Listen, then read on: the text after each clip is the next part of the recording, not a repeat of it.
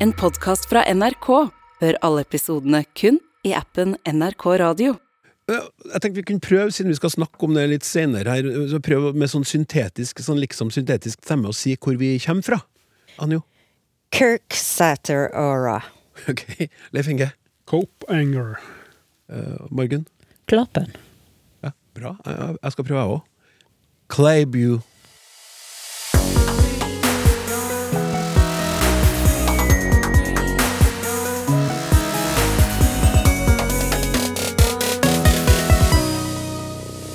Hvorfor blir ordet produkt ofte brukt når man snakker om en tjeneste? Er det en forbindelse mellom det nederlandske ordet broke og det norske brok for bukse? Vi penser oss inn på dagligdagse uttrykk fra jernbanen. Og en kverulant har du sikkert hørt om før. Men hva i alle dager er en krevulant?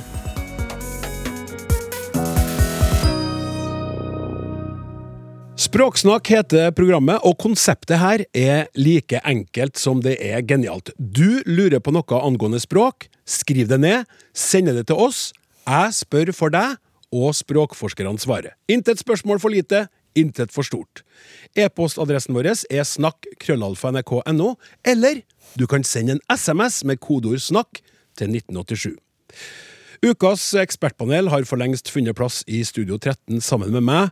Her er annet Anjo Klungervik Grinvold fra Institutt for språk og litteratur eh, på NTNU. Velkommen. Mm, Hjertelig takk. Anjo, engelsk språk er jo ditt fagfundament og oversettelsesstudier hovedfeltet, og i det siste så har du drevet med oversettelse fra norsk til engelsk. Jeg har nevnt det tidligere i programmet, syns det er så utrolig artig. Du har drevet og forklart diverse norske turopplegg, til stor glede for både nordmenn og utlendinger. Du starter alltid med 'In Norway we have this thing called' Og så kommer det diverse turer, sånn flesketur og Ja, flesketur tror ikke jeg har Nei, nei, men med, men harrytur. Harrytur! Takk skal du ha. Harry, og nå sist trilletur, og før det sydentur. Ja. Er du ferdig med prosjektet nå? Nå er jeg faktisk ferdig med prosjektet. Alle turene er tatt? All... Nei, faktisk ikke. Jeg får fremdeles eh, henvendelser fra folk som sier ja, men du, den turen da, jomfrutur eksempel, Oh, ja. det den siste nå, Ja. Eh, den har jeg ikke tatt. Kanskje blir det et comeback en gang, det vet jeg ikke, men jeg har runda av for nå i alle fall. Hvor mange turer ble det i alt? 30 turer. Så Kan vi jeg få lov til å foreslå ei lita bok? Ja, ja, gjerne det. Jeg, jeg har faktisk manuset liggende inne til, til modning nå hos et forlag, så det blir spennende å se hva de sier. Der var jeg kanskje sannspådd som den lille, Snåsagutten. Vi går eh, videre til Margunn Rauseth, prosjektleder for revisjonsprosjektet og leder for ordbokmiljøet ved Universitetet i Bergen. Velkommen. Du har vært gjest eh, hos oss eh, før, blant annet om ordbokprosjektet. Eh, Og da, Jeg husker ikke hvilken bokstav dere var kommet til da. Det er ikke sånn kjempelenge siden. Men det skal du slippe å huske sjøl, da. Men hva er status for prosjektet i dag? Nå er vi kommet til bokstaven R, så vi er solid inn i andre halvdel av alfabetet. Ja, Så at den siste, det siste alfabetstrekket som var plukka, var rett til real. Rett Altså- til real. Real. Ja. Myntenhet. Ja, akkurat. Og så har vi med oss eh, Leif Inge Aa fra Institutt for lærerutdanning NTNU. Eller fra Institutt for lærerutdanning NTNU, som det står på eh, sida di. Eh, Leif Inge, du har vært litt ute etter NTNUs språkpolitikk. Du skrev et innlegg om det i 2017 og sa at du var flau over språkpolitikken. Du tok saken opp igjen i 2021. For lite eller ingenting hadde skjedd, skrev du i en kronikk med tittelen 'Språklegg cowboypolitikk ved universitet og høgskoler'. Hvordan står det til i dag, da? Ja, nei, jeg følte vel for si fra den eh, gangen i Det var sommeren 21, det. Men siden den gangen så har faktisk eh, NTNU oppretta et språkpolitisk utvalg og utarbeidet noen retningslinjer. Og, og med svært kompetente folk i det utvalget, så det har blitt bedre. Jeg skal ikke ta ære for det, jeg fikk jo ikke være med i det utvalget, selvsagt, men jeg hadde sikkert bråka for mye. Men, eh, men det har iallfall blitt bedre. Så bra. Så det kan hende at det kommer en eh, litt mer positiv innstilt eh, kronikk om en liten stund, ja? Jeg er litt mindre sint i dag enn jeg var forrige gang jeg var, kanskje. Det er jeg veldig glad for å høre. Veldig glad for. Da tror jeg sannelig meg vi bare setter i gang.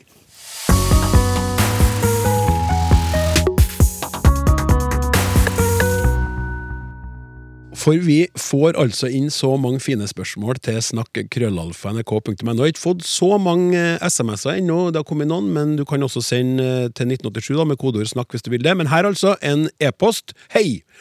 I en nyhetsmelding om store forsinkelser i togtrafikken sier kommunikasjonssjefen i Vy det har vært for mye forsinkelser, og vi skjønner veldig godt at folks tillit til det produktet vi leverer, blir tynnslitt av det.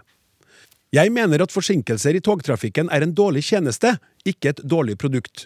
Et produkt er noe konkret, håndgripelig, noe som er produsert, som for eksempel en klokke, et brød og et lokomotiv.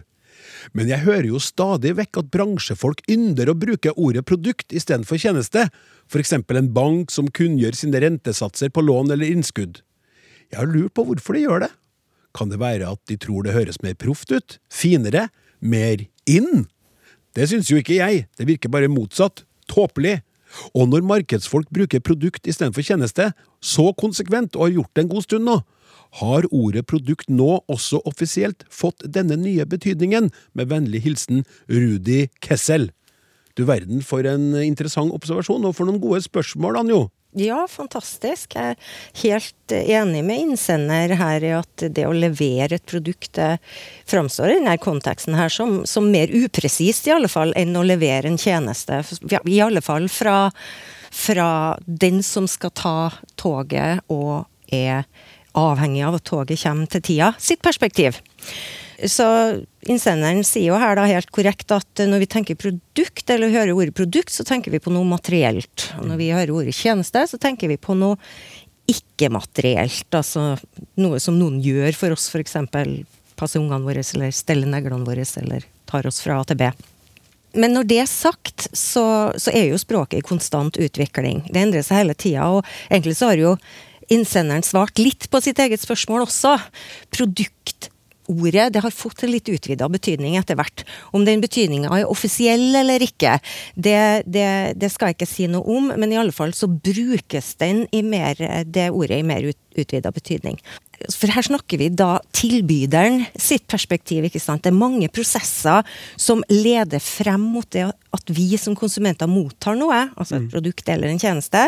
Mange av de her prosessene er ganske komplekse i dag, og de kan inneholde både materielle og ikke-materielle objekter og prosesser. F.eks. alt det som da leder frem til at du kan sette deg ned i et behagelig tog togsete, kan f.eks. innbefatte overoppsyn med konstruksjon, bygging, vedlikehold av selve toget, som er en, en materiell gjenstand. Eh, det vil innbefatte planlegging av eh, ruter, organisering av catering om bord osv. Og så videre, Og så er det gjennomføringa av selve forflytninga, da, som helst da bør være korrekt tima. Og, og, produkt i denne konteksten her, det peker mot hele denne pakka til sammen. Så derfor så blir det ikke helt feil å bruke det.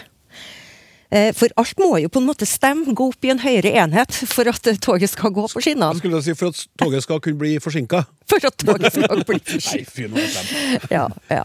ja. Men hvis vi ikke tenker hele helheten, for det her er nok det tilbyderen har i, i mente, mm. men hvis vi ikke tenker på, på den helheten, men tenker mer på bare frakten, så er jo tjeneste et mye mer presist ord.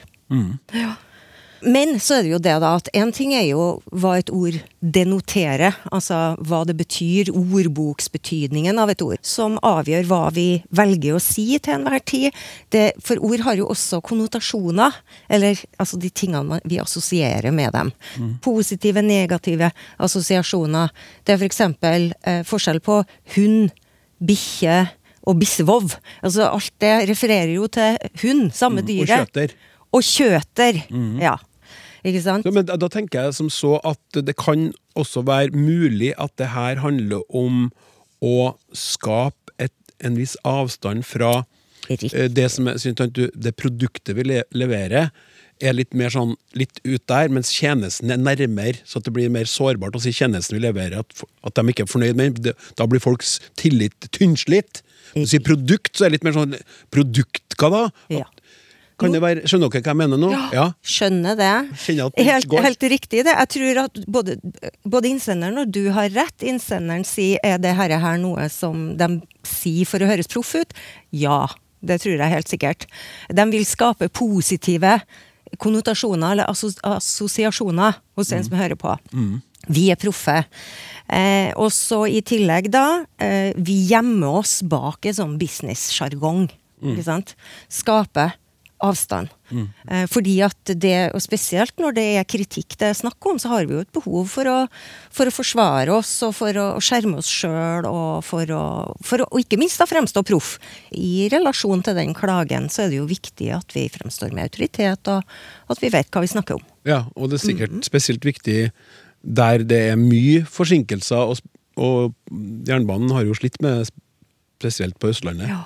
Det er jo ikke bare lett når så mange hundre tusen reisende står og fortviler og skal komme seg på jobb, eller fra jobb og hjem. Ja. Kjempevanskelig. Ja, Bra.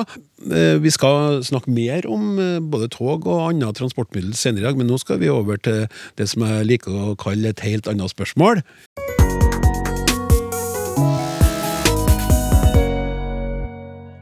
Hei!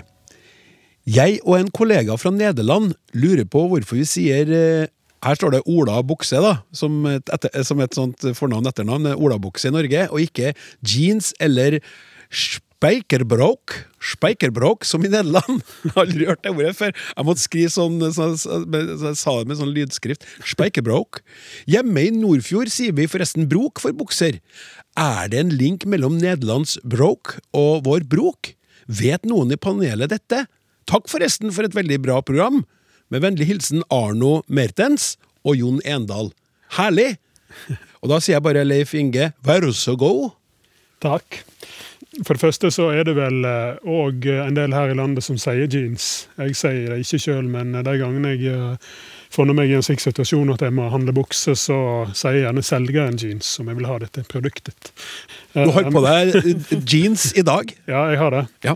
Så, men jeg, jeg bruker ikke det ordet sjøl. Jeg bruker heller ikke ordet olabukse, faktisk. Og, men det er heller ikke et dumt utgangspunkt, det som innsenderen gjør, å skrive det med, ja, som et eh, særnavn. da. Ola Bukse? Ja, med, eller i hvert fall med store ord. da, for Ja. eh, Opprinnelig så er det vel et, eh, et eh, merkenavn, dette her, da, som har blitt et vanlig gjengs uh, allmennyttenavn etter hvert. Det var altså et merke. Ja, det, var, det, det har vært et sånn trademarker, så vidt jeg eh, Olabuksa, liksom. ja. Mm. Men så um, er det jo sånn at vi i norsk da, så bruker vi jo eh, personnavnet Ola for, eh, ja, til en del andre nemninger som eh, har litt sånn folk flest-betydning. Ola Nordmann, Ola Pottit finner du i ordbøkene. Ola Dunk, for litt sånn skeitete personlighet, kanskje. Og vi har òg nemninga Olamann, som er for en soldat som tjenestegjør i utlandet. Ja. Sånn at, men, men Ola, enten om vi bruker det eh, som eh, Ola, eh, navnet Ola pluss nordmann f.eks., eller om vi bruker det et sammensatt ord som i olabukse, olajakke, olabil, da er det noe, eh, det er noe sånn hverdagslig over det. sant? Vi kunne like gjerne sagt hverdagsbukse, hverdagsbil, eller, eller ikke hverdagsbil som vi bruker. Olabil har jo betydning av kassebil. da. Ja. Det er noe sånn eh, ikke veldig pyntete over det. da. Det er noe hverdagslig, så folk flest-betydning. da. Men jeg får, får ekstremt gode minner inni hjertet mitt, eller de henter frem gode minner fra hjertet mitt når du sa olabil. Ja. Eh, Det tror jeg kanskje mange unge i dag ikke er, er så kjent med, men for meg ble det helt sånn Du tok meg rett til sommeren oppe i Klæbu, eller Klæbu, og Ola, livsfarlig olabilkjøring. Fullstendig uten hjelm og sikkerhetsbelte. Ja. Ja, men unnskyld, fortsett. Nei, men jeg, jeg, jeg Sjøl så brukte du kassebil. Jeg vet ikke hva du, Margunn, om du sier kassebil eller. Kassebil. Ja. Jeg har inntrykk av at eh, på Vestlandet, der vi ikke har den tjukke L-en, da Jeg sier jo ikke Ola, men jeg sier Ola med tynn L. Da er Ola et litt uh, Det er litt sånn rart for meg å si Ola. Jeg sier Ole. Ja, Ole er et litt sånn vanligere navn, og dermed har jeg, eh, kanskje derfor har jeg heller ikke Ola-bukse aktivt i vokabularet mitt. Jeg sier dongeribukse. ja. Og så har du det speikerbrok. Ja, ja. To hovednemningene bukse og brok, som en del har. Eh, Det er jo synonym, og fra eldgammelt av så er det en brok som er det norrøne ordet, da, mens buksa har vi da lånt inn fra tysk senere. Det kommer fra bukkhåse, altså bukkeskinnshåse. Ja. Så det, så, men eh, det er jo ikke skinnbukse om vi bruker bukse i dag. Det er blitt en mer generell nemning enn det. Men så, og så sier jo innsenderne at det, vi har jo et tilsvarende ord i nederlandsk. For det er nemlig ikke bare det nordiske området at dette ordet brok, som nok Margunn har i sin dialekt, eh, vil jeg tro. Ja, Margunn, du sier brok. Jeg sier det vel ikke. Det er ikke en veldig sånn del av mitt aktive vokabular, men, men er klart at vi snakker om brocha i Nordfjord. Ja. Det, er- det er velkjent. Ja. Det, det sa min familie også når jeg vokste opp. Broka. Ja. Ja. Ja. Ja. Brok og broka. På Kyrksæterøra. På Kjørsølen. Aura. Mm. Ja. Ja. Nei, det er vanlig i store deler av Vestlandet og, og bruker det, i Nordmøre og nedover. Og, og så det, men men det, uansett så er det òg, i tillegg til det, så er det eh, en emning som er òg fra urgermansk, som er det felles, germans, felles opphavsspråket til det germanske språket. Og Det betyr at det finnes utafor det skandinaviske området og nedover i det. Tysk for eksempel, og i nederlandsk og i eh, sveitsertysk og forskjellig. Det er en klar forbindelse mellom ja. brok og brok. kan ofte ha en betydning, mer spesifikk betydning knebukse fra gammelt av, men det har òg en betydning eh, eh, bakside. så vidt jeg fant i en ordbok, så um, har du òg det engelske ordet 'breaches', som vel er kortbukse. Stemmer ikke det? Stemmer. Der er da et uh, substantiv 'breach', som betyr bakside. Ja. Og, det, og den nemninga har en òg tidligere fra andre germanske språk. Og vi har òg avledd til denne betydningen, så finner jeg òg i norske ordbøker et verb å bruke, ikke med, brå, med å, men med o. Ja. Bruke, da, da tolker jeg det mer som sånn overført betydning av bakside. Altså da, du, da blander du deg inn på en litt eh, upassende og klønete måte. Åh, så du kan si han kom der i broka si og... Nei, han bruker det som verb. Jeg forstår det. Ja, men. Han kom der i broka si og broka. Ja. Ja. Kom der i nye broka si og broka. Ja. Det går an å si, da. Ja. Ja. Og ja, I norsk ordbok det, det, det, det knyter dette særlig til menn sin upassende involvering. mens Ante meg. Tenkte. Kvinne, kvinne sin upassende involvering. Da bruker en kofte. Hun kofter seg. Så Hvis jeg står og lager en dårlig middag, så kommer kona og kofter i middagen min. Da. Fordi hun har en bedre løsning. Ja. Akkurat. Jeg tenker på det der speikebrauk. Eh, Mm. Spiker, er det noe med spi... Hva er det speike, lurte Det jeg må på. nå være speik og altså sånn nagle... nagle Ja, for dere, dere, ja, men så er det ikke også dere på, vi har på, på jeansene våre, eller, eh, eller olabuksene, hva jeg nå skal si, sånne nagler på sida, ikke sant? At Mm. Ja. det er der de tatt det fra? Det må være det. Ja. Antar vi. Ja. Så artig. Ja, men tusen hjertelig takk skal du ha, Leif Inge.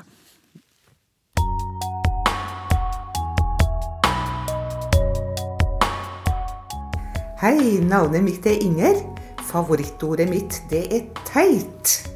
Det har jeg akkurat gjenoppdaga, og det minner meg om ungdommen min, for da var så mye som var teit.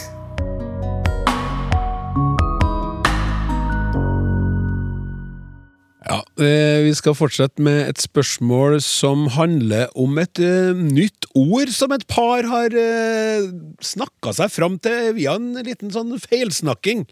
Eh, hei og takk for et kjempefint program. Kjæresten min og jeg hører på dere hver uke. Tidligere denne uka stokket en av oss om noen bokstaver da hun skulle kalle han kverulant, og ordet ble i stedet krevulant. Fokuset skiftet umiddelbart bort fra årsaken til at han var vanskelig. Og så er det sånn parentes eh, flire seg i hjel-emoji, da. Så det er tydeligvis ikke noe sånn kjempealvorlige saker. Og over til at dette jo faktisk er et ord vi burde ta i bruk. Der kverulant er en person som hele tida uttrykker usemja si, som krangler om småting og bagateller, en person som kverulerer, som det står i Store norske leksikon, ser vi for oss at en krevulant er en person som hele tiden krever noe av andre, som presser andre for å få viljen sin, og som aldri blir fornøyd. Vi har googlet for å se om dette ordet er tatt i bruk noe sted, eller om vi på slump har funnet det opp helt selv. Vi finner ikke noe, men skjønner også at Google har sine begrensninger. Derfor tenkte vi at vi måtte sende ordet over til dere. Har dette ordet vært brukt før? Og i så fall, hvilken betydning har det hatt? Og om dere ikke finner noe på det, hvilken tolkning ville dere lagt i ordet dersom dere skulle tatt det i bruk som et nyord? Skriv Ine Bangås, som ikke nevner ordet på kverulanten, som blir til, blir til en krevula- krevulant. Men Margunn, for en flaks for Ine og kjæresten at du sitter her i dag. Vær så god, Takk. sett i gang. Dette her synes jeg var helt nydelig spørsmål å få, og få lov til å bruke tid på å lete etter krevelanter i det norske språk. Jeg vet ikke om de blir glad eller triste for å få svar på hovedspørsmålet er dette helt nytt. Nei. Å! Folk har brukt det før. Men eh, det er jo fint å se på hvordan det har vært brukt. Og om noen har brukt det i akkurat den betydninga som de sjøl la i det, som jeg syns var kjempefin. Det smaker godt med den betydninga som de har eh, lagt i det. Og eh, det næreste jeg kommer noen som har brukt det på litt tilsvarende måte som, som de, er en fyr som skriver ja, Nå sa jeg en fyr. Jeg må kalle vedkommende hen, for jeg vet jo ikke at det er en han. Nei, Unnskyld. bra, bra korreksjon mm. selv der. Ja, bra. En person har skrevet inn til eh, lokalavisa si. Eh, Helgeland Arbeiderblad i debattspalta der. Veldig kort og lite kontekst. Eh, dette skjedde i 2005, og det handla om trygd. Og i eh, Ha debatt, som jeg antar at det skal uttales om, så det mangler en bindestrek der, så skriver altså vedkommende at det, det er ikke bare krevulanter som ser at trygdene har tatt helt av og kan true velferden i landet. Mere i trygd gir flere trygdede. Ja, ikke helt enkelt å skjønne hva personen mener med dette her. Om det, han snakker om at det er ikke bare kverulantene, det er de som på en måte krangler med andre om det, men, men dette her er det eneste vedkommende skriver. Dette er hele teksten. Skriv krevulanter, da. Skriver- Kan det være dem som krever trygdeytelsene, eh, viser til, da? ikke godt å vite. I alle fall så får han svar. Unnskyld, hands-svar. eh, der, eh, der han blir litt, gjort litt narr av. Eh, og, og det ha-ha-ha, det er kanskje du som burde søke om trygd, som ikke kan å skrive. Krevulanter, du, liksom. Og første skriver svarer tilbake igjen.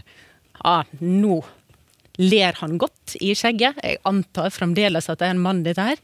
Hører jeg? Veldig vanskelig Margun, det går det. fint. Du har tatt, det, går, det, det går bra. Jeg tror, jeg, Jeg har tatt stilling her. Ja, ja. Der eh, vil kan jeg si at eh, nå ler jeg godt. Du har ikke skjønt at jeg mente noe annet, men eh, krevelant. Ja. Så jo, det er sannsynligvis en person som krever mye trygg, krever mye av eh, velferdssystemet. Kanskje det vi seinere har begynt å kalle en navar. ja. Dette her er iallfall i nærheten. En person som krever, kan vi kanskje tolke at denne personen vil fram til. Dette var altså på, på bokhylla jeg fant Nasjonalbiblioteket sine samlinger. Og der, eh, som ordbokredaktører, så legger vi ofte litt sånn vekt på når vi finner noe der. Men når dette bare er i debattspaltene Nå forringer jeg folket der ute litt når jeg sier det bare i debattspaltene vi finner, men i det legger jeg Det er ikke publisert tekst, det er ikke noe som har gått gjennom en redaksjon. Eh, dette her er litt sånn ifra folkedypet at det bobler opp eh, en type språkbruk. Jeg fant det bare i, i avistekster, og jeg fant en annen og eh, Krevulant, som hadde sendt inn eh, til ei debattspalte, som, som var et eh, bilde av ei gulrot som selvfølgelig så ut som et underliv. Og så ble leserne oppfordra til å tolke sjøl hva dette skulle være. Der kan du skrive hyggelig og greit om at eh, svigermor dyrker gulrøtter, de smaker godt, og de gir oss mye artig å se på. Men jeg skjønner liksom ikke at denne Krevulanten er verken kranglete eller krever mye, så dette er litt typisk for veldig mange av de, de få eksemplene jeg finner, at de er litt vanskelig å tolke. Det er vanskelig å skjønne om det er en sånn tungekrøll som ligger bak, eller tastaturfingrene som har krølla seg, eller om det, det er en tankekrøll, at det er et fremmedord som man ikke har helt kontrollen på. Ja. Så en bare Eller at det Det blir blir som- produsert noe annet.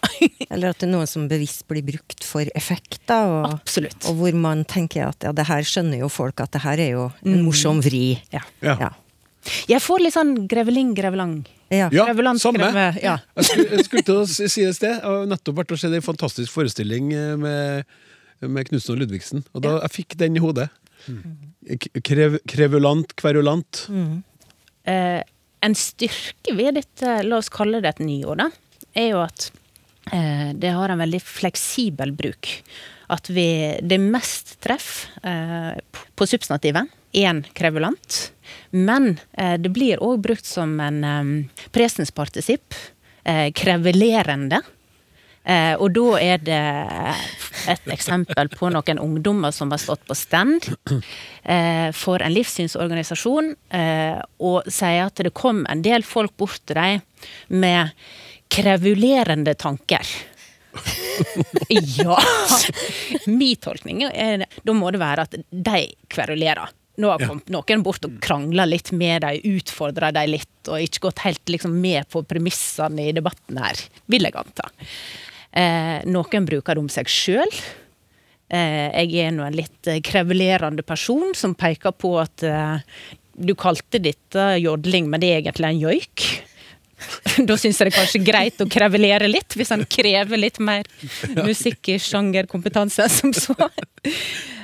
Den siste bruken jeg har funnet, er ren verbalbruk. er Karoline som blir oppfordra til å drite i de som krevelerer på alt. Ja. Ja, sånn at eh, den har en fleksibel bruk, glir rett inn. Disse siste eksemplene jeg snakker om nå, har jeg òg funnet i eh, sånn språksamling av digitale tekster henta fra nettet. Så det er òg snakk om uredigert tekst. Sånn at jeg mistenker jo at dette her ikke alltid er noe bevisst i de fleste tilfeller. At det, det er egentlig oftest en skrivefeil. Ja. Og det var jo det som var utgangspunktet for innsenderne òg. At det hadde stokka litt om på bokstavene. Sånn at Men de lanserte jo en vanvittig, ikke vanvittig kan jeg si, men en veldig fin forklaring av ordet, sånn som de så det, som var tydeligere. Det kunne han gått rett inn i ordboka. veldig glad for at du spør, for det har jeg så lyst til å si noe om. Som hovedredaktør for Bokmålsordboka og Nynorskordboka, så møter jeg jo en del folk med ei sak. De skal ha et ord inn i ordboka og spør hvordan går jeg fram for å få mitt ord inn i ordboka med den betydninga. Og det kan hende de lykkes hvis de gjør dette til et prosjekt, fordi det er såpass artig. Jeg tror det, jeg kjenner at jeg har litt lyst til å begynne å snakke om krevelanter etter å ha sett på dette. Men, eh, men da er ikke det nok at de sjøl bruker det. Da må de få flere folk til å bruke det. For når vi sitter og vurderer ord som hm, er dette noe nytt som er verdt å ta inn, så, så sjekker vi faktisk det. Er det bare ei lita gruppe eller enkeltpersoner eh, som bruker det? Sånn innspråk i ei gruppe? Eller er det noe vi på en måte ser har spredd seg i, i skriftlige tekster? eh, det må være brukt over tid. Vi ser jo liksom noen sånn motord som bare psh, fyker i været, og så forsvant de igjen. Det ser vi jo bare på, på Språkrådet sine nyordskåringer, når en går et del år tilbake og bare sånn Hæ? Dette Ja, grottegutt. Ja, det var den ene gangen vi snakket om grottegutt, og så forsvant de inn Ja. i historien. Men iallfall. Eh, det må være en stabil bruk, flere personer. Helst over flere sjangre. At en både kan finne det i saklitteratur, skjønnlitteratur. Det vil jo være litt sånn domeneavhengig, men dette er et sånn ord som trygt kan skli inn på en måte i ulike typer tekster. Ja. Sånn at eh, jeg ønsker deg lykke til, og så tenker jeg det er litt viktig på veien, hvis de begynner å skulle skrive dette her for å prøve å spre det, at de tenker veldig nøye gjennom konteksten, at de skriver om ordet på en sånn måte at folk skjønner at ja, folk som bare krever og krever, punktum, slike krevelanter. Sånn at, at på en måte folk får litt hjelp til å få støtten til. Hva betyr det? For det er ikke helt sånn sjølforklarende. Så det betyr, eh, Ine, at du og kverulanten din har en jobb å gjøre når det gjelder ordet krevulant. Språksnakk med Klaus Sonstad. Du hører på Språksnakk, en podkast fra NRK. Få de nyeste episodene i appen NRK Radio. Dagens ekspertpanel består av Anjo Grinald, Leif Inge Aa og Margunn Rauseth.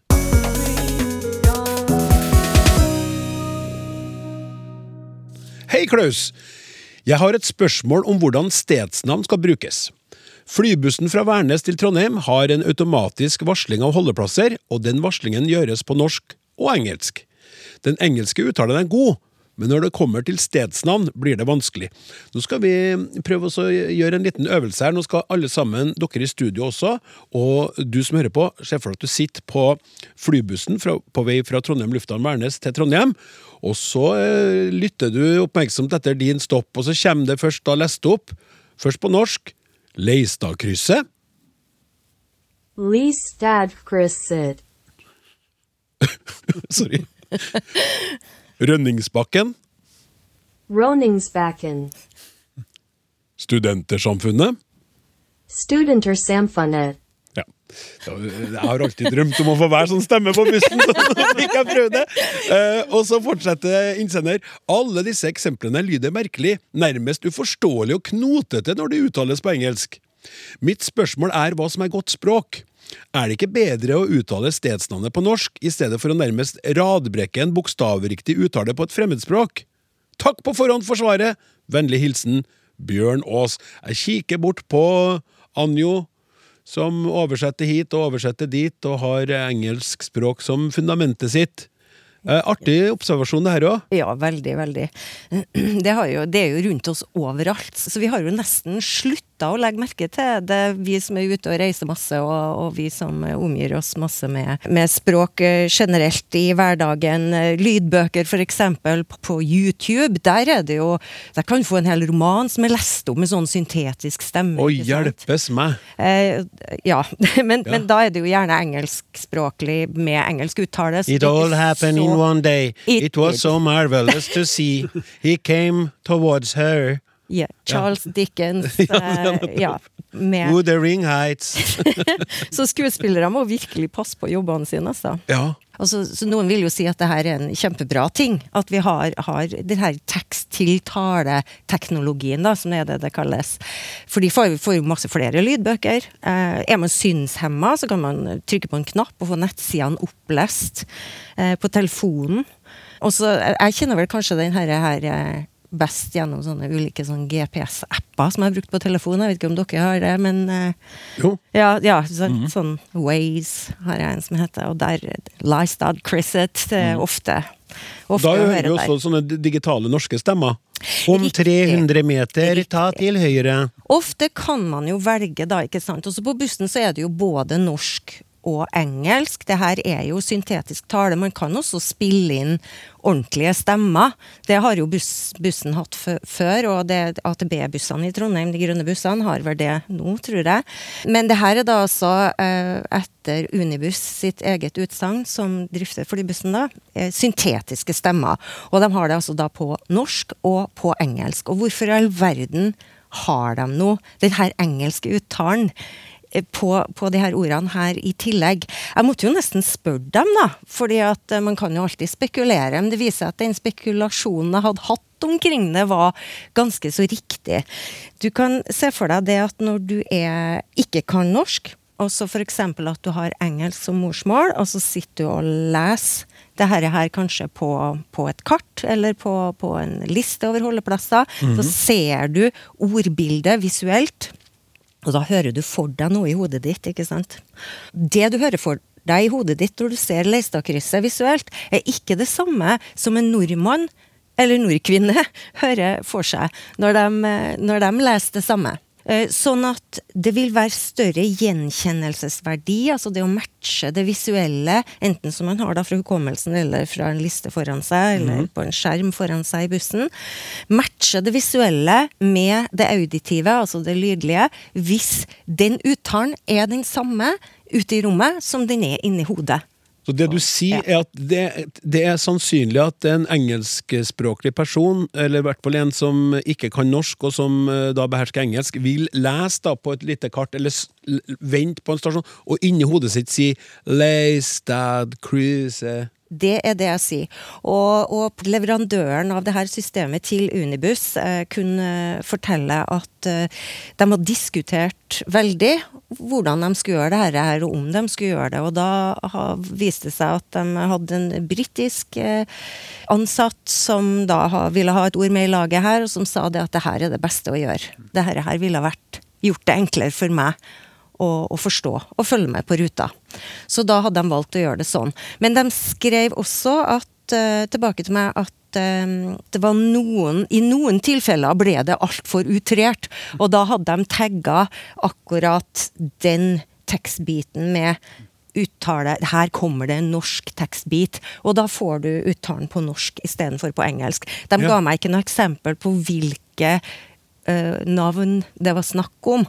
Det er mye å velge her, da. Det er jo mye som blir utrert. Det har jo stor komisk effekt for oss, selvfølgelig. Ja.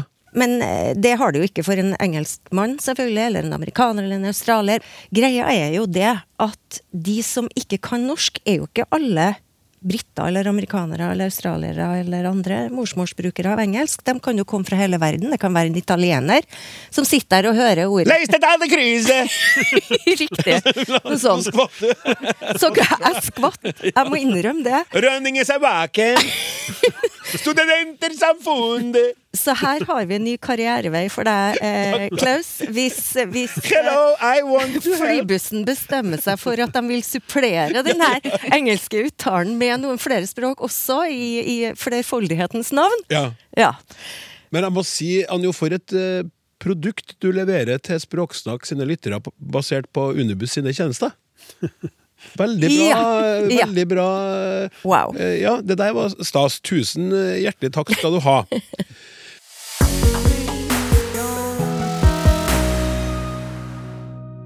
Vi går videre. Vi har uh, mer vi skal spørre om, og mer som skal besvares. Hei, Språksnakk. Om ordet gratulerer. Når til dømes Lise fyller år, sier en 'gratulerer med dagen, Lise', men hvordan skriver en det? Gratulerer eller gratulerer? Er det underforstått at 'jeg gratulerer deg, Lise, med dagen', det vil si at det er jeg som er hovedperson i denne setninga òg, eller er det mer et uttrykk av typen 'ha det bra' eller 'god kveld'? Som du forstår, ønsker, ønsker jeg støtte for å skrive det med a-ending, siden r-ending skurrer i språkøret i dette tilfellet. I Norsk ordbok eh, står det at en kan gratulere med sorga. Det høres nå veldig hjerterått ut, da. Kanskje ekspertene i Språksnakk vil fortelle om bakgrunnen for ordet? Gratulerer med nytt år, og takk for snakket i året som var. Marit. Jeg kikker bort på deg, Leif Inge. Jeg kveit ikke hvorfor, som jeg ville ha sagt da for å spøke, og så blir du litt småirritert for at jeg sier det. Ja, jeg har aldri hørt det før. Det Nei, jeg har aldri hørt det før. Nei, men du, det her er jo interessant. Jeg er spent på hva du skal si. Jeg har ikke hørt 'gratulerer' så mye. Nei, rundt det meg, er da. ikke så rart. og det, det tenkte jeg å komme litt tilbake til eh, hvorfor du ikke har, og hvorfor denne innsenderen vil skrive det med A. da. For, for det første så kan vi godt underforstå en setning slik som hun gjør. Det var, dette var vel hun, var ikke det det? Jo, det var hun. Um, slik som hun gjør. Som 'jeg gratulerer deg med dagen', eller 'gratulerte deg med dagen'. Og Jeg hører at jeg sier det samme. Jeg sier 'jeg gratulerer deg med dagen', men 'gratulerte' i går. Så jeg, jeg har denne A-en i presens og E-bøying i preteritum. Her er det eh, noe som ikke er noe som skurrer allerede da. For dette her problemet her, det rører egentlig ved et av de største spenningsmomentene vi har i landet vårt, nemlig spenninga mellom skrift og tale. Hvis vi eh, går litt nærmere på det, så kan vi egentlig fortelle ei historie for talemålet og ei for skriftspråket når det gjelder verb som gratulerer. Det finnes nemlig en verbgruppe på ære, gratulere, vurdere, kverulere og, og flere av den typen, som eh, faktisk eh, i, Hvis vi går tilbake til Ivar Aasen sin grammatikk fra 1864, så omtaler han dette her som fremmede verber. Og seinere prominente nynorskmennesker kaller det for framande gjerningsord. Framande gjerningsord. Ja, de var jo ikke ekte norske nok, da. Men det, Det- skal nå sies at jeg så en bok av han Kjell Venås, som, jeg- som jeg har bladd i her. Som, han daterer jo disse ordene til 1200-tallet da, i norsk. Så det, det, var ikke, det var ikke ekte nok da for Åsen å kalle det rotnorske ord. da, Det var fremmede. Men denne gruppa med fremmede verb med, på ære, da, Aasen han valgte i sin tid ei bøying som, eh, ja, som han gjorde med andre avl, sånn som med kasta. Men, men han hadde lang bøyingsending i, i fortid, så da ble det som i svensk. Gratulerer, men gratulerer det. Det var liksom Aasen sin norm på 1860-tallet. Gratulerer det, ja. Nettopp. Ja. Så men det var akkurat som vi kasta, kasta det. Eh, Jeg tror vi skal ta talemålet først, for det er litt interessant. det. For det vi har dialekter i Norge som tradisjonelt har A-bøying på både nåtid og fortid. Gratulerer eh, i dag og gratulerer i går. Og det er dialekter som Jeg forbinder det veldig med telemarksdialekter. da, og Det er typisk telemarksmål, og det er f.eks. i Indre Agder. Har ren A-bøying. Men så har vi òg eh, dialekter som du har, som har ren E-bøying. Gratulerer i dag og gratulerte i går. Mhm. Og det er vanlig på Østlandet, Sentraløstlandet, Trøndelag og nordpå. Så da har vi den ren A-bøying, vi har ren E-bøying. Men så har vi problemet, det er meg og Margunn. For tradisjonelt i våre områder så er det blanda bøying. Og vi har A-bøying i nåtid og E-bøying i fortid. Jeg gratulerer i dag, men gratulerte i går. Og det er nemlig vanlig på Vestlandet tradisjonelt, og det er vanlig òg i det vi kaller de midlandske dialektene. Nord-Gudbrandsdalen, Valdres, Hallingdal, Numedal f.eks. Og det betyr jo at de tradisjonelle nynorskområdene, da har en blanda mål i tale, i tale sant? Ja. Når en skriver nynorsk, så har en gjerne blanda i talemål. Sånn har det blitt. Man skulle jo tro at eh, det var der eh, begge a-en var. Eh, Ja, Sånn, ja. sånn i et eh, hode som skal tenke nynorsk. Hva er nynorsk for oss? Ja, for det, Problemet er jo skriftet her, da, for den har, ikke, den har aldri fulgt dette blanda mønsteret som vi nynorskinger sier. da. Åsen han, han hadde jo denne A-AD. Når eller landsmålet blir eh, kodifisert første gang offisielt i 1901, da kutter han AD, og da blir det AA, da, sånn som i telemarksmålet. Så dette gratulerer, gratulerer, det var liksom norma 1901 når, når, når det fikk sin første norm. Men så skjer det i 1910 allerede, det blir oppmyking her, og en tillater elever å skrive E. Gratulerer, gratulerte, men A er fortsatt hovedforma. Og som vi har vært inne på i dette rommet her før, så går vi jo mot 1938, da skjer det masse rabalder. Og det som skjer i nynorsken, da, det er at det er bare E-målet som blir godtatt. Så A er ut, og E er inn. Så Det var eh, utrolig spennende. Jeg vil bare anbefale lytteren eh, som ikke har hørt det, om å gå i NRK radioappen og finne den sendinga og høre på den historien. Ja, ja, det, det, var, det var et veldig godt program. Det var, Ja, det var det, var ikke det? ja du, var, du var med. Ja, jeg husker det godt. Så, det, så de siste 85 åra så er faktisk 'gratulerer', gratulert det', som er nynorsknorma. Og det, og det er jo litt pussig, for da, da går jo det på en måte imot våre nynorskinger sine talemålsintuisjoner. Så akkurat med denne æreverbgruppa så er nynorsken eh, nær østlandsk, trøndersk og nordnorsk, men ikke nær vestlandsk, f.eks. Og eh, Dette er jo en nynorsking som skriver her. Brevet, Innsenderbrevet var på nynorsk. og Da har eh, vedkommende sannsynligvis en, eh, en blandebøying da, i talemålet som går på kollisjon med, den, med det offisielle nynorsken de siste 85 åra. Ja. Så det er rett og slett en, en konflikt der mellom tale og skrift. Og det er to historier som ikke går helt i hop. Ja. Men det var òg spørsmål hva vi kunne gratulere med, var det ikke det? Jo, altså den, eh, bare den på slutt, for den var jo nesten som et eget Ja. Kom rett i flesen på meg, i hvert fall. Det står at uh, I Norsk ordbok står det at en kan gratulere med sorga. Mm. Jeg slo opp det også i Norsk ordbok, og det er, det er veldig marginalt. altså Det er, det er heimfest i Norsk ordbok til søndeledd øst i Agder. Og, og det, Da får det jo den kondolerebetydninga. Men jeg prøvde å søke opp om det fins sånne holdt på å si, negative ting du kan gratulere med, da, eller om det bare er sånn positive ting som med, med dagen, med seieren og, og, og så videre. Og jeg finner veldig lite negativt. og jeg, Der jeg kommer fra, da ville vi jo gratulert med opprykket, men vi gratulerer som i nedrykket. da. Jeg er jo fra Kopanger. Ja. Det ligger veldig nært Sogndal. og Det Ja. rykker jo opp og ned annethvert år. Ja. Men, men jeg tror man kan bruke det ironisk. Ja, det kan jeg nå. Ja, jeg kjenner i Ja. hvert fall en som går Ja. rundt og når du forteller noen dårlige nyheter eller noe dumt du har opplevd den Ja. dagen, og så sier han 'gratulerer'. Ja, ja men Ja. det, det Jeg tenkte det samme, at det kan være noen, sånn, litt sånn sjargong, og så Ja. blir det sånn Når det er som tyngst, så sier du ja. Gratulerer med sorga. Jo, Ja. takk, det, det er tøft nå, ikke sant? Sånn, men skjønner at det er en spøk eller ironi, da. Ja, ja, nei, jeg bruker det hele tiden til ungene mine når de slår ut over et eller annet over bordet, melk eller et eller annet sånt. Da gratulerer jeg.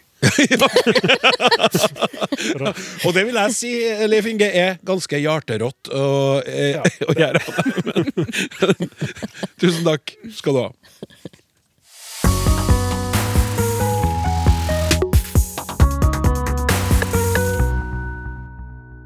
Som jeg har sagt før i dette programmet, og som jeg sikkert kommer til å si igjen, så er det veldig stas at så mange av dere sender inn spørsmål til snakk.krøllalfa.nrk.no, eller sender da SMS til 1987 med kodeord 'snakk'.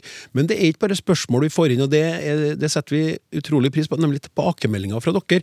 Eh, Sist snakka vi om et ord som jeg aldri hadde hørt før. Eh, Det var to varianter av det. Det ble mest treff på, ikke på Amaras, men eh, Ameras. Men da sa vi altså Amaras og Ameras. Og så har det kommet inn eh, meldinger etter det. Hei på deg, herr Sonstad. Det gjelder ordet Ameras. Det var så artig å høre dette ordet fordi min mor brukte det mye. Hun var født i 1917 i Sandefjord, og jeg vokste opp med to søstre i samme by med dette ordet i 1950- og 1960-årene. Det jeg vil fram til, er hvordan vi innfødte sandefjordinger uttalte Ameras, med lang A og kort S, altså Ameras. I programmet ble det av Helene Uri uttalt Ameras. Etter hvert tror jeg dette ordet har forsvunnet, nå sier jeg mye styr i stedet. I min familie var vi tre søstre, da vi kom opp i tenårene, ble dette ordet brukt mer og mer av min mor, og de som har tre døtre, skjønner kanskje hvorfor. Det kan bli mye ameras for en mor med tre døtre i tenårene, altså mye styr. Vi var jo til tider vanskelig å ha med å gjøre. Takk for et godt program med hyggelig stemning. Vennlig hilsen Kirsti Skovli Forst, nå bosatt i Oslo. Hei, vedrørende innslag om ordet ameras, godt kjent fra min oppvekst i Tønsberg, men jeg har ikke hørt den uttalen dere presenterte i programmet. Dere uttalte nærmest med to s-er til slutt. Uttalet jeg er fortrolig med, er lang A, altså Amaras. Bare til orientering, hilsen Kjersti. Så fikk vi en SMS. Det uttales Amaras med lang A mot slutten, uten signatur eller noe. Det er sånn jeg håper at det kan bli litt med SMS-meldingene, at de er litt mer sånn kortfatta. Kanskje fra garasjen, kanskje fra en tur i skogen eller i kjelleren. Takk for det. Og så kom det her fra Mette. Jeg er fra Stavanger og bruker ordet helt naturlig som Det var litt av et Amaras. Har aldri tenkt tanken at det ikke er et vanlig ord. Og så skrev jeg tilbake til hvordan hun spurte om hvordan hun uttalte det, og så skrev hun med lang, lang A, litt oppgitt. Ah, det var litt av et amaras. Det var et skikkelig amaras. Hun har bodd i Sandefjord i snart 60 år, men eh, tror hun har bevart sin stavangerdialekt, hun Mette, da. Og så fikk vi en annen SMS. Hei, Språksnakk! Fritidsklubben vår heter Amaras.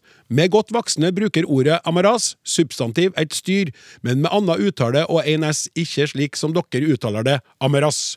Jeg bor for øvrig i Rogaland, med vennlig hilsing Hilde, som elsker dette programmet. Takk for at dere tok dere tid til å skrive til oss om amaras. Hei, jeg heter Ingrid. Mitt favorittord er mosekose. Det er fordi at det er et godt ord å si, det inkluderer alltid en god venn, og det gir meg varme når jeg tenker på det.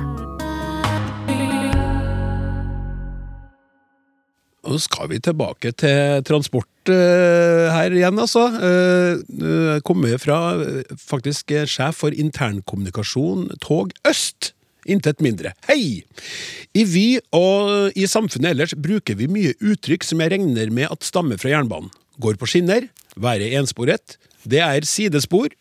Jeg tenkte det hadde vært moro med en oversikt over flere uttrykk vi bruker derfra, men finner ingen oversikt noe sted. Og da tenkte jeg på dere, som vel har laget en pod om uttrykk for sjøen, bånd i bøtta etc. Vi hadde et program om det, men det var jo en som hadde laga ei bok, og så fortalte vi om den. Har dere tilgang til noen smarte folk som vet om det finnes en slik oversikt? Vennlig hilsen Kaja Rynning Moen. Har vi tilgang til noen smarte folk? Ja, det har vi! Margunn, blant annet. Du er ganske smart, vil jeg si. Og du driver nå med ord hele dagen, hele året. Så vær så god. Jeg kaster meg over den for å få lov til å havne i den kategorien. Ja. Tut-tut! Ja.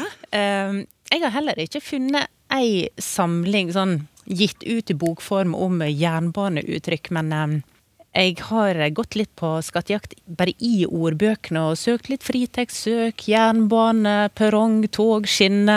Hva, hva har jeg klart å grave fram? Som, som kan bli et grunnlag for ei bok, da. Eller en Jeg samling. syns, jeg syns jo at her var ganske mye snacksy greier som noen trykk kan eh, lage bok av. Det er mye selvfølgelig om, eh, om skinnene. Og innsender her hadde sjøl et fint knippe her med sidespor og gå på skinner, så det skal ikke jeg si så mye om. Men en annen variant er, er blindspor.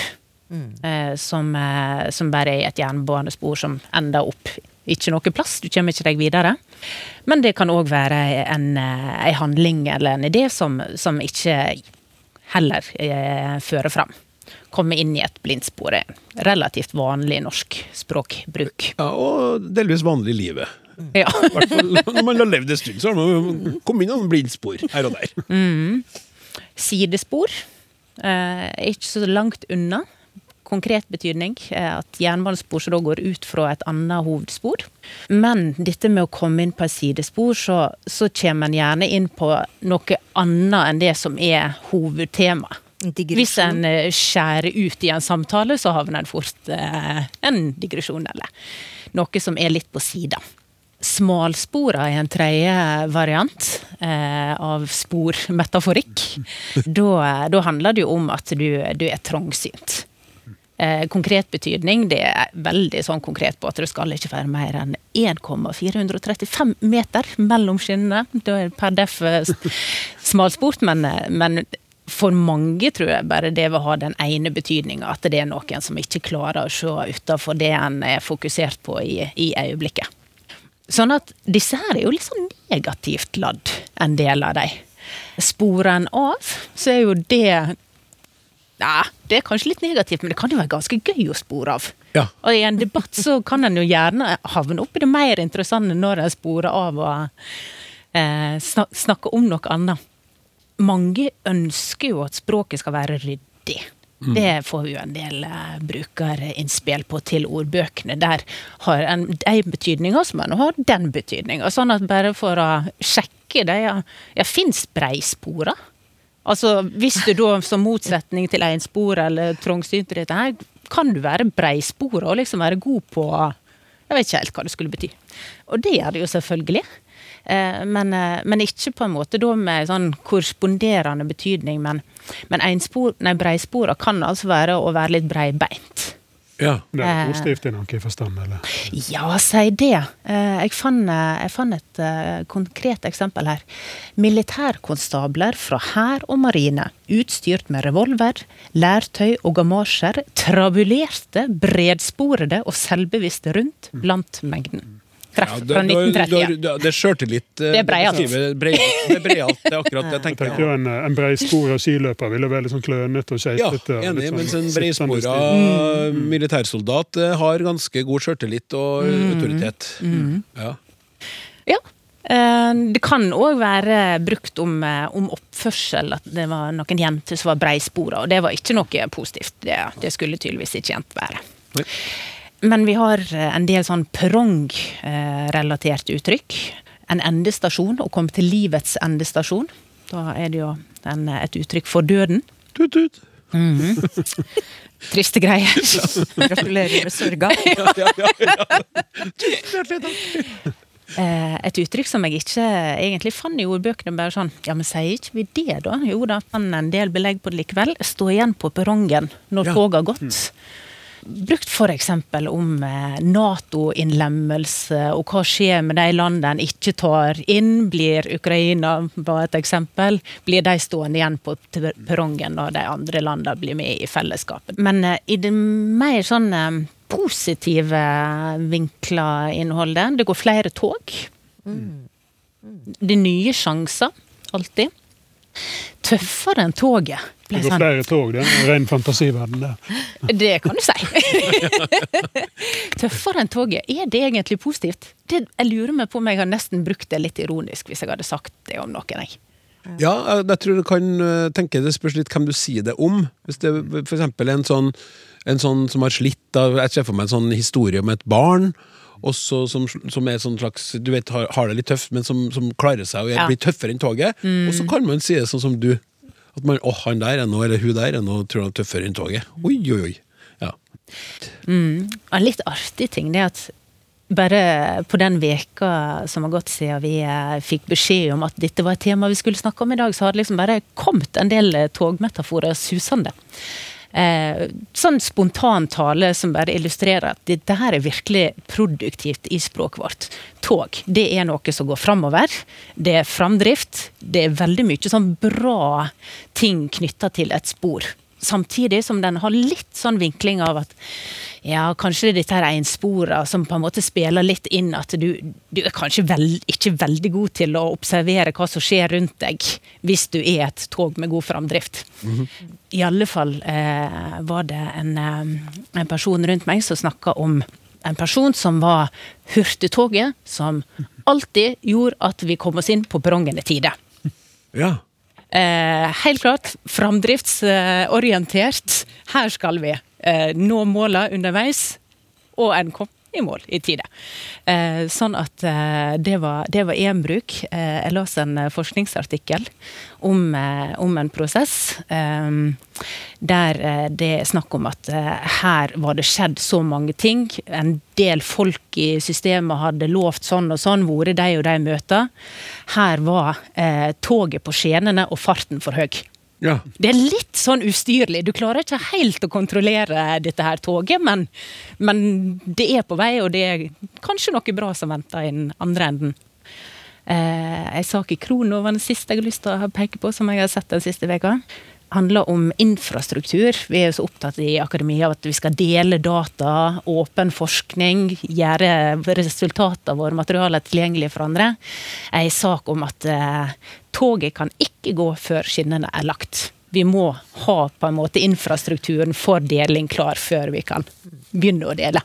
Sånn at eh, masse fint eh, som en kan si kort og greit med en liten togmetafor ja. som vi bare griper til og er veldig sånn intuitivt forståelig. Det var det jeg skulle til å si. Eh, det, det, man tar det så fort, og så er det noe med at det er på skinner. Det sånn, det, sånn Ute på sjøen så kan så mye rart skje, men altså, toget kan jo bli forsinka, som vi har tulla litt med her, men bortsett fra det, så går det nå i en retning. Og det går på de skinnene. Og det går fort eller sakte, og det kommer fram til stasjonen, og det skal videre. og Kanskje ikke. kanskje, Nei, det er veldig bra. Eh, jeg vil jo si at Eh, Kaja Rydning Moen nå har fått mange innspill, og egentlig så oppfordrer vi Hun kan jo sette i gang. Hun er jo sjef for internkommunikasjon og greier, så hun kan da starte. Absolutt. Ja, godt hjulpet av deg nå, Margunn. Takk skal du ha.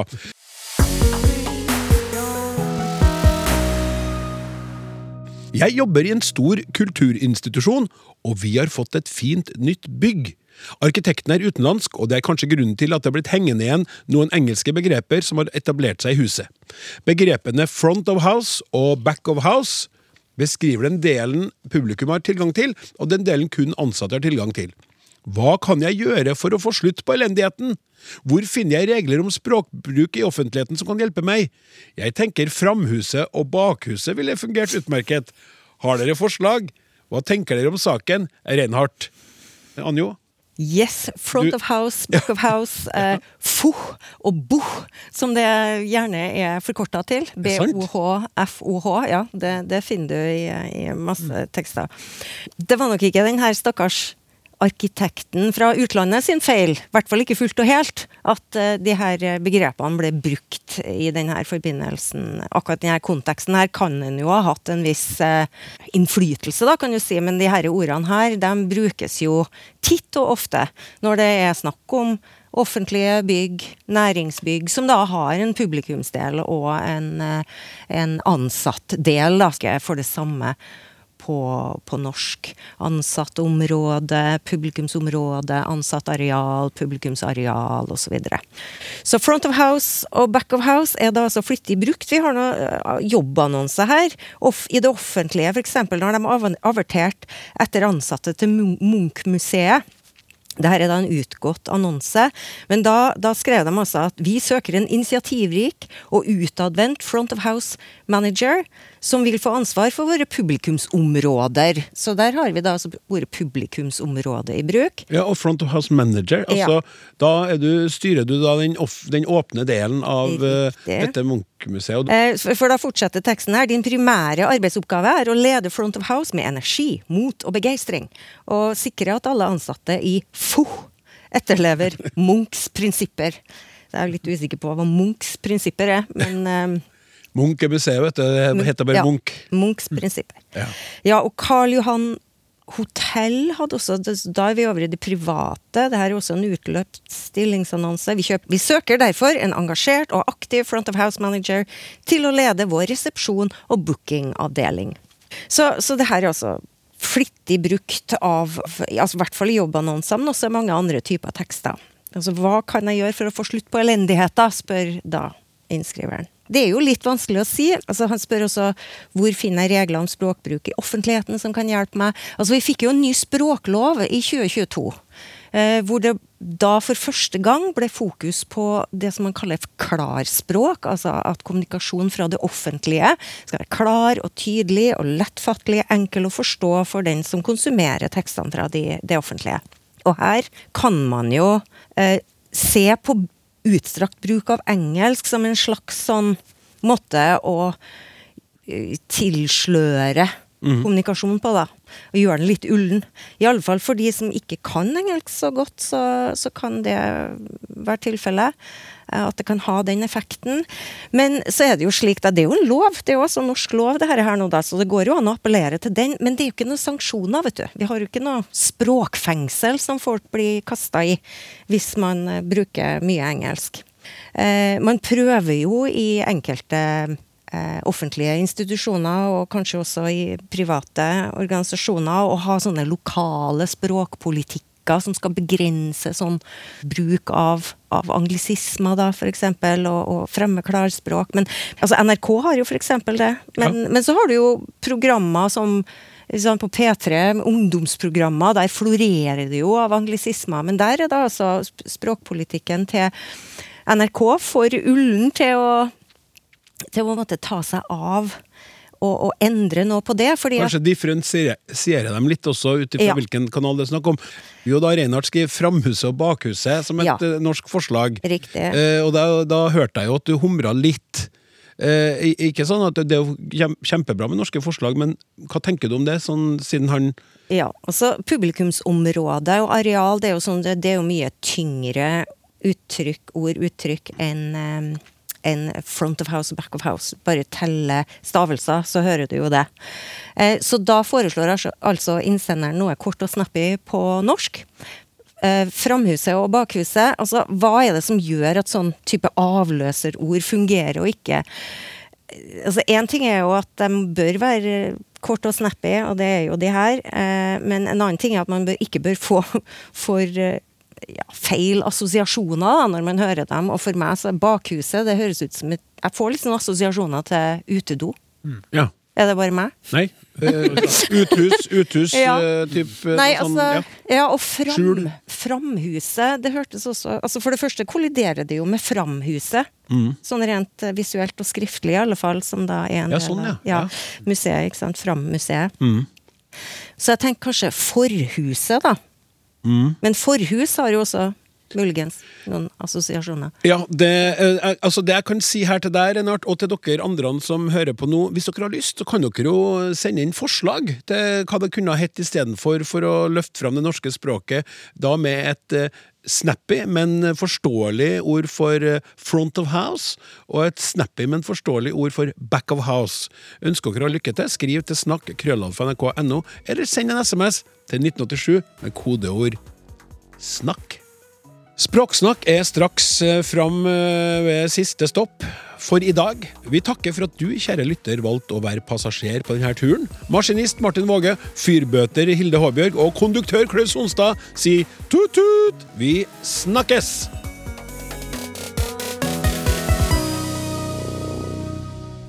Du har hørt en podkast fra NRK. Hør alle episodene kun i appen NRK Radio.